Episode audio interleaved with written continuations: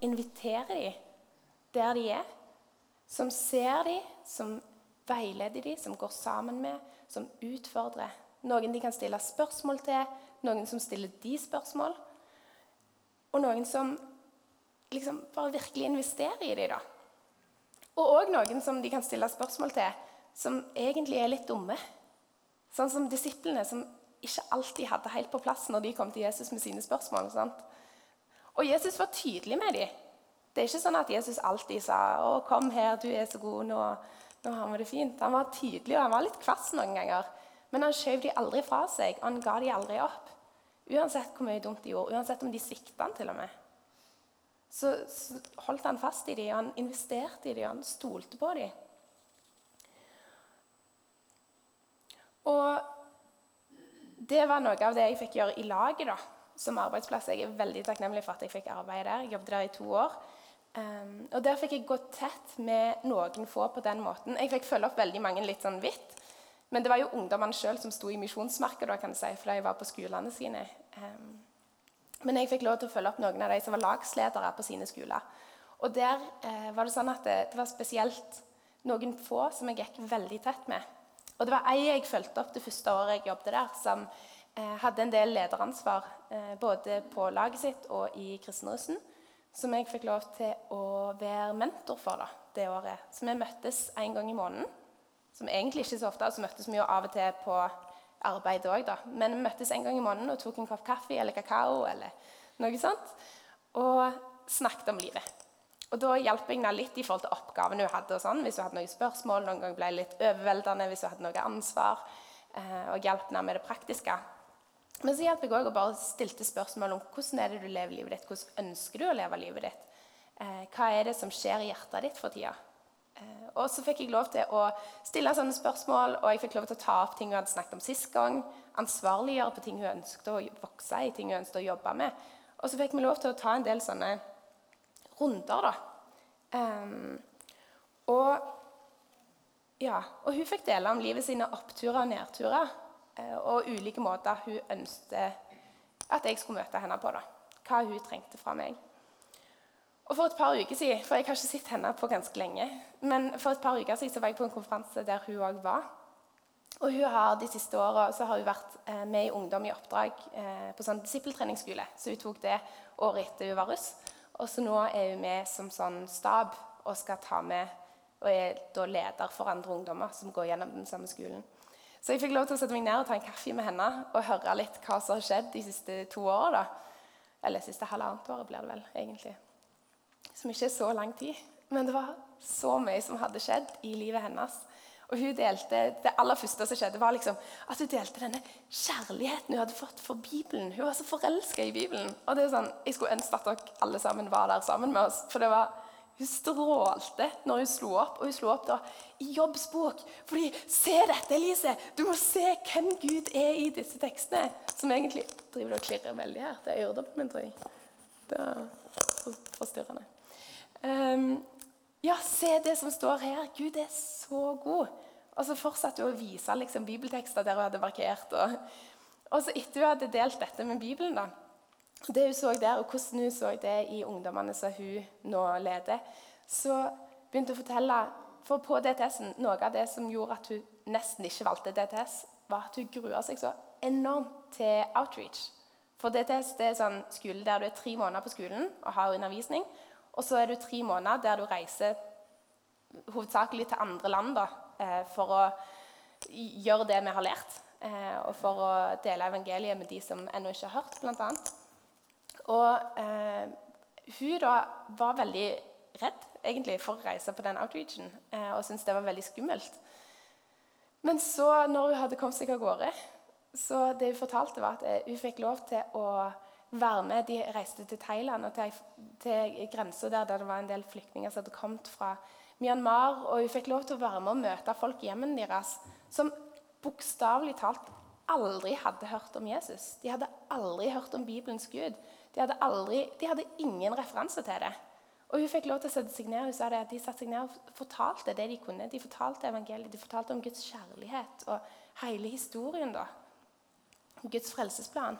Hun så den lengselen de hadde etter det, og den sulten og den gleden de fikk når de fikk høre dette, for de skjønte at det var sant. For de, hadde, de tilba masse greier, hadde masse sånne statuer og sånne ting, men, men de fikk lov til å erfare dette og se det er det vi har søkt etter, det er det vi har lengta etter. Og Hun sa det, og bare Hun kunne ikke forstå det.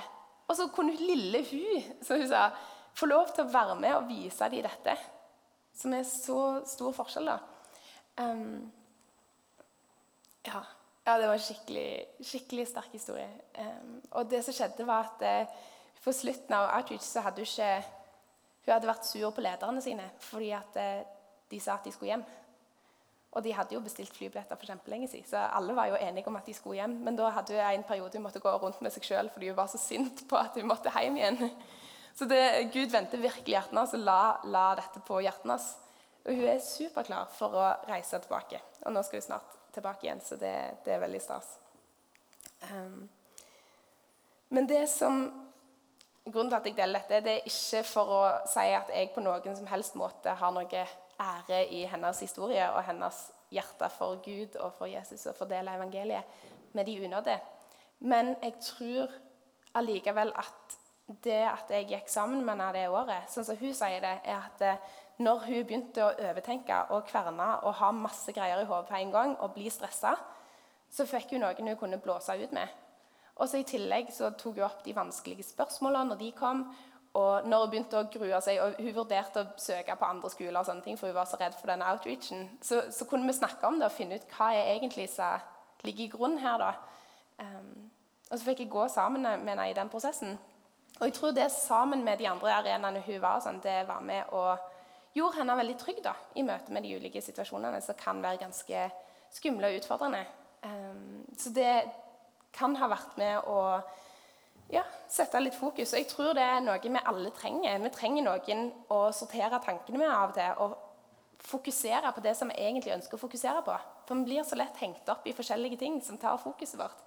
Og Da hjelper det å ha noen fra utsida som kan på en måte se at det, du sier at du har lyst til å leve sånn og sånn. Er det det du gjør? Hva er det som hindrer det? Eller, ja. Og Hun jeg snakket om nå, hun kom fra en veldig stødig familie og har vært med i veldig bra ungdomsarbeid. Um, så hun hadde veldig mye sånt på plass. Men det er ikke så mange ungdommer som har. Så det å investere på den måten det tror jeg er så verdifullt. Det å se noen tettere og gå tett og snakke sammen. da. Og um, mm, det er et ganske kjent fenomen innenfor psykologi som er at ungdommer um, Er det noen her inne som har vært foreldre til ungdommer noen gang? Ja, eller noen som kommer til å bli foreldre til ungdommer? Ja. Det er en kjent greie at når en er ungdom, eh, så trekker en seg vekk fra foreldrene sine. En har et behov for I utviklingen vår så, så løsriver vi oss litt. Og i akkurat den perioden så kan det bli ganske mye slåing av dører og diverse eh, diskusjoner og opprør og hele pakken. Og Det handler om at vi ønsker å få selvstendighet. Eh, ungdommene ønsker å finne seg sjøl og bestemme sjøl og alt det der. Eh, og det er spesielt en sånn tid jeg tror det er så viktig at vi har noen som, som står utenfor. For jeg tror at foreldre er helt essensielle. og i den perioden også, er det så viktig at foreldrene er til stede i livet til ungdommene og er der og møter de, heier på de, støtter de, elsker de, setter foten ned og setter grenser. Jeg tror det er kjempeviktig. Og jeg tror at foreldre kan ha en supernær relasjon til ungdommer òg i den tida. Men jeg tror ungdommene òg trenger noen utenfor som eh, har stødige verdier, som taler livet i dem, som heier på dem, og som, som, de kan komme med de vanskelige spørsmålene uten å bli dømt med en gang, men som òg kan støtte og ansvarliggjøre og si Hei, jeg hører at du sier det, men jeg vet at du er sånn og sånn og sånn. Jeg vet at du står for dette og dette. Hvordan tenker du det går sammen? Og reflektere litt sammen, da, at ungdommene kan eie, eie den prosessen sjøl. Det tror jeg er så viktig. Eh, og da tenker jeg det at Når vi da har vært foreldre, eller er foreldre, eller eh, ikke er det, så kan vi hjelpe hverandre i den prosessen. Fordi vi, jeg kan ikke se alle, og ingen av dere kan det heller, men alle vi kan se noen. Og hvis vi da ser hverandre sine, så så kommer vi ganske mye lenger. Og I tillegg så må vi se de som ikke nødvendigvis har de stødige rammene hjemme. For det, det er det ganske mange av, og de òg trenger det. Men i hvert fall vi som er her, da, kan, kan være med og støtte opp om hverandre sine. Og Personlig så gikk jeg i ungdomsarbeid der jeg hadde mye ansvar. Eh, jeg kommer fra en kristen familie med foreldre som for meg har vært veldig gode eksempler på hvordan å følge Jesus i hverdagen. Og jeg hadde mye stødig nettverk rundt meg, men allikevel så mangla jeg noen som gjerne ansvarliggjorde meg, og som gikk tett med meg. For jeg hadde også, i mitt miljø så gikk jeg med veldig mange som ikke var kristne, og som hadde helt andre verdier enn meg. Og i den perioden der så var det litt sånn Hva er rett? Hva er galt? Hva er på en måte eh, Selv om noen gjerne sa det fra en talerstol, så ble det ikke personlig for meg da. Så jeg hadde sjøl trengt noen som gikk så tett, og det er nok litt av grunnen til at jeg har det på hjertet. Fordi at det, det går an å, å, være i disse miljøene. Det går an å være i ungdomsarbeid som er kjempebra disippelgjørende uten å nødvendigvis gå tett med Jesus da, og ta de rette valgene for seg sjøl. For meg så fikk jeg dette på bibelskole, så fikk jeg folk som gikk tett med meg, som stilte de vanskelige spørsmålene, som jeg kunne stille de vanskelige spørsmålene til. Men tenk hvis det kunne kommet før. Tenk hvis det kunne kommet allerede tidlig i ungdomstida. da. Og at det kunne styrt retningen for valgene jeg tok gjennom ungdomstida. Det tror jeg hadde vært så verdifullt. Og eh, jeg tenker at Hvis vi som kirke lever sånn som Jesus kaller oss, så ville det egentlig skjedd.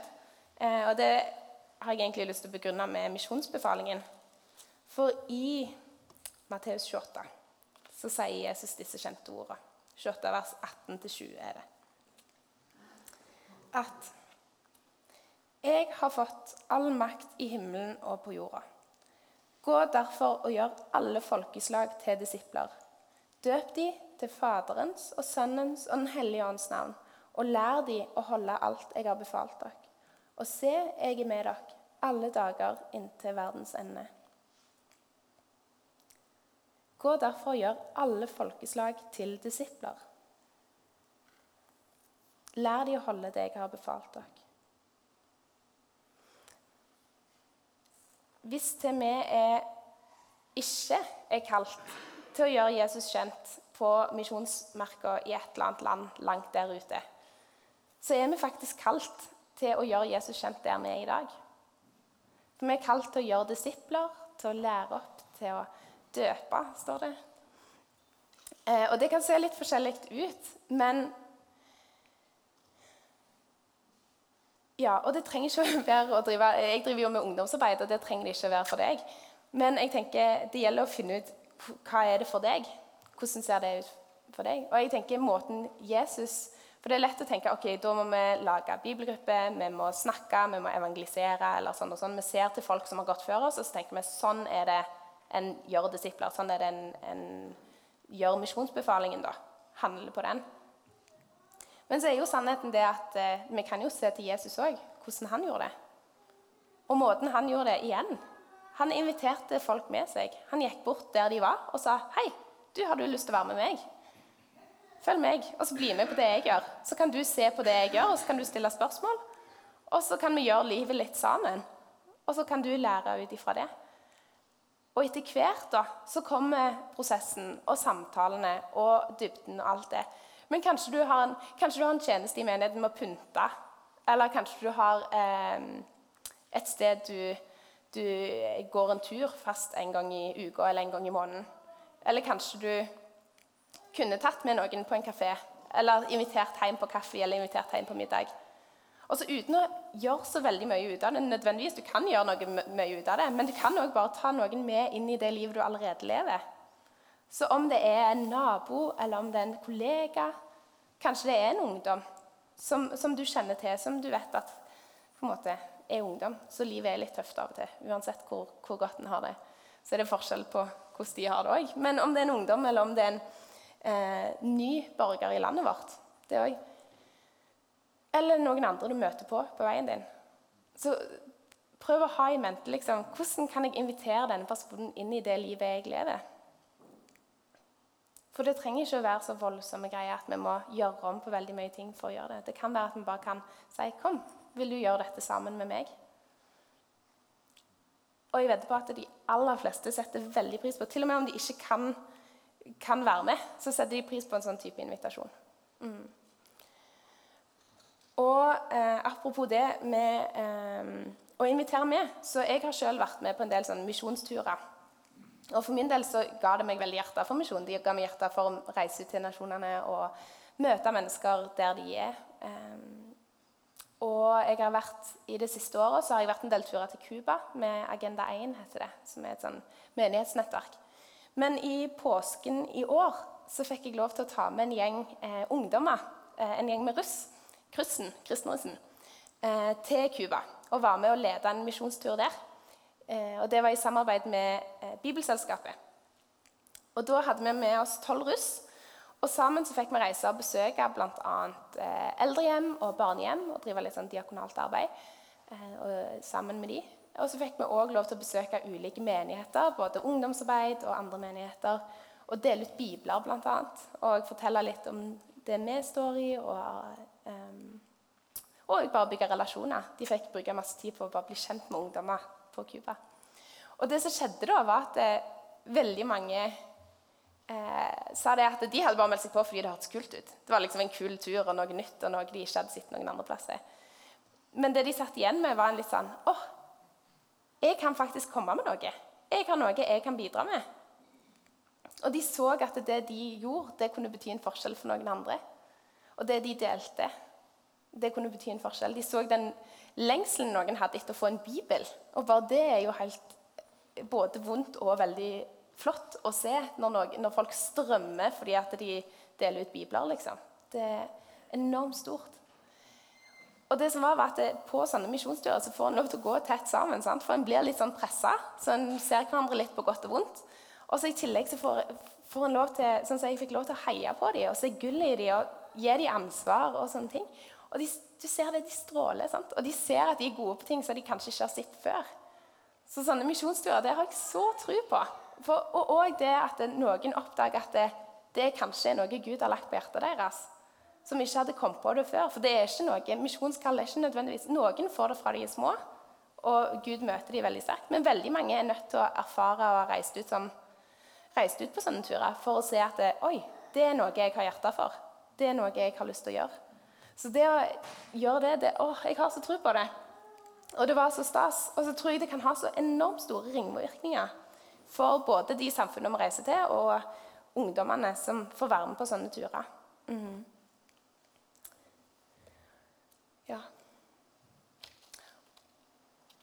Jeg har lyst til å dele bitte litt om de som ikke er involvert i kristent arbeid. For det nevnte jeg at jeg skulle si litt om. Det er et annet aspekt med, med misjon blant unge. da. Eh, og Det er litt av grunnen til at jeg har flytta til Oslo. Det er fordi meg og ei venninne har opplevd at Gud har lagt veldig på hjertet vårt å møte et behov som vi har sett der. Og så la alt seg til rette, sånn at vi fikk, fikk en mulighet. Eh, det er derfor vi reiste dertil og ikke starta opp her i Stavanger. Selv om ungdommer definitivt har behov her i Stavanger òg. Men vi skal da få lov til å være med å starte opp et lavterskeltilbud. Litt sånn kafé-stil, hengeplass for ungdommer. Der vi skal drive relasjonelt arbeid eh, og invitere veldig åpent. Og det vi ser, er at ungdommene savner så relasjoner. De savner så å bli sett og møtt. Og det er det vi ønsker å gjøre. da. Eh, vi ønsker ikke å lage masse opplegg og styr og fest og basar. Altså, vi kommer jo til å ha litt sånn der arrangementer og sikkert kakaokveld eller popkornkveld eller hva det skal være. Men, men, vi ser det at ungdommer i dag de lengter bare etter en plass der de kan bli møtt. Eh, og der de kan komme og ha en samtale hvis de trenger det. Men at de kan være i stillhet hvis de trenger det. Og det er det vi skal få lov til å gjøre. For ja.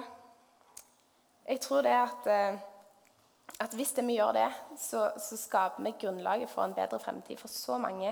Eh, og samfunnet vårt trenger det som helhet. Samfunnet vårt trenger å bli møtt på den ensomheten og, og individualiseringen som, som, har skjedd over tid. Men for å gjøre det, så er vi bl.a. nødt til å um, så er vi nødt til å tåle ganske mye forskjellig. For ungdommer i dag har uh, litt annen type respekt da, for eldre og for voksne og for ledere og alt de sammen. Det er ikke nødvendigvis sånn at de har lært seg at eh, de skal ikke bruke stygge ord eller gå kledd sånn og sånn, eller Ikke komme rusa inn på forskjellige arrangement. Så det kan være litt forskjellige ting vi møter. da. Men igjen så tror jeg det er noe Jesus demonstrerer i måten han møtte disiplene måten I eh, Markus 2, 17, når, eh, når eh, de skriftlærde kritiserer han fordi han spiser middag sammen med, så står det at Jesus hørte det og sa til dem at det er ikke de friske som trenger lege, men de syke. Jeg er ikke kommet for å kalle rettferdige, men syndere. Og det er så mange som har så dype sår, og som har så ensomhet og psykiske lidelser og kjenner på utenforskap og dårlig selvbilde. Og vi drømmer om å se at ungdommer får større trygghet i hvem de er, og hva de bærer på. Og hvis de klarer å se det, så tror jeg at de kan bety så stor forskjell for de rundt dem. Og mest av alt det, også i tillegg til den verdien i seg sjøl, at folk har det godt med seg sjøl. Og det er litt av hjertet vårt. Og selvfølgelig så ønsker vi jo at de skal få bli kjent med Jesus. Men til og med hvis de ikke blir kjent med Jesus, så ønsker vi å elske dem, og vi ønsker å møte dem. Og det tror jeg er noe relasjoner trenger i dag. fordi at det, det autentiske, det ekte, det sanne, det er det en lengter etter. da. Og spesielt i dag når vi bombarderes av nyheter med forskjellige, forskjellige typer agendaer. da. Og det, det å møte et fjes som kommer uten agenda. Jeg, jeg, bare ønsker å bry meg om deg. Jeg ønsker å høre hvordan du har det. Ingen agenda. Det er så annerledes. Og det er sånn Jeg tror det er sånn Jesus ønsker at vi skal møte folk. da. Jeg tror han ønsker at vi skal møte folk uten agenda. Selvfølgelig så ønsker vi at, skal, at de skal bli kjent med hvem han er. Men jeg tror det kommer etter hvert òg. Og selvfølgelig evangelisering. Kjempebra. Fortelle, forkynne om hvem Gud er. Men i noen arenaer så tror jeg det å bygge relasjon først og invitere med inn i livet en lever Og så kommer spørsmål og samtalene.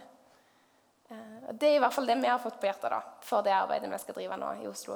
Eh, og det er noe jeg tror, um, tror kan bety veldig mye. da. Men det at relasjoner er autentiske, Eh, det tror jeg ikke gjelder bare for ungdom. Alle lengter etter autentiske relasjoner. Og det, det, tror jeg vi alle kan være med og bidra med. Som jeg sa, liksom, min oppfordring er å gjøre, gjør kjærligheten tilgjengelig. Gjør det vi har opplevd, tilgjengelig for andre. Med å invitere med inn i livet vårt. Med å invitere Enten det er en kaffe eller en middag eller en oppgave du skal gjøre. Så inviter med og gå sammen med. Og så tror jeg at hver enkelt her inne bærer på et eller annet unikt. Jeg tror Gud har skapt oss med en hensikt. Og jeg tror at han har lagt ned noe i oss som, som kan være med å møte behov ute i verden. Og det, det at vi møter andre mennesker, det gjør at, at vi kan bruke de utrustningene og gavene vi har, de, det som Gud har lagt ned i oss, på å møte dem. Og på å fortelle om hvem Jesus er, gjennom å gå sammen med dem og svare på spørsmål og stille spørsmål. Og så kommer liksom det andre litt etter hvert. da. Og det trenger ikke, det er litt det som er min, mitt hjertesukk i dag. er litt at Vi trenger ikke alltid å ha planlagt så sinnssykt mye. Og det trenger ikke å være en sånn forpliktelse over mange år. eller For av og til så gjør vi det til sånn Nei, jeg kan ikke gjøre det. Jeg har ikke tid til det. Og hvis vi ikke har tid til å møte en menneske, hva er det vi holder på med da? Sant? Og hvis du ikke har tid til det, så ja, ja, men hva er det du fyller dagen din med? Hva du kan invitere noen med i. Så vet jeg at folk har travle dager, og jeg vet at dere er en gjeng som, som, gjør veldig mye godt for folk rundt dere. Så jeg skal ikke snakke ned det. altså, Det gjør jeg ikke. Det er jeg veldig klar over. Men, men ta en titt på timeplanen og se hvor er det jeg kan invitere noen med. Hvem er det jeg har rundt meg som kanskje trenger noen som ser dem? Og spesielt ungdommer. Hvem er det som ser de ungdommene som, som er rundt dere? Og hvis det ikke er noen, kan dere spørre en ekstra gang hvordan går det Eller Hei, skal vi ta en kaffe? Og ikke undervurder hvem dere er, selv om dere er, er voksne. Med, ungdommer elsker det. Og vi selv, jeg vet at det er et generasjonsskifte. med Den voksne generasjonen i dag ønsker ikke nødvendigvis så mye med foreldre og eldre generasjoner å gjøre. Men de som vokser opp nå, de ønsker det. Min generasjon, de som er litt eldre enn meg, de som er litt yngre enn meg, de elsker å snakke med voksne og godt voksne folk. Så bare, bare vær frimodige på det, og kom med det dere har. Fordi det er så verdifullt. Mm. Så det er min oppfordring i dag. Um, ja, elsk mennesker, inviter dem inn i livene våre, og vis hvordan disippellivet kan se ut i praksis. Mm. Ja, det var det jeg ønsket å si.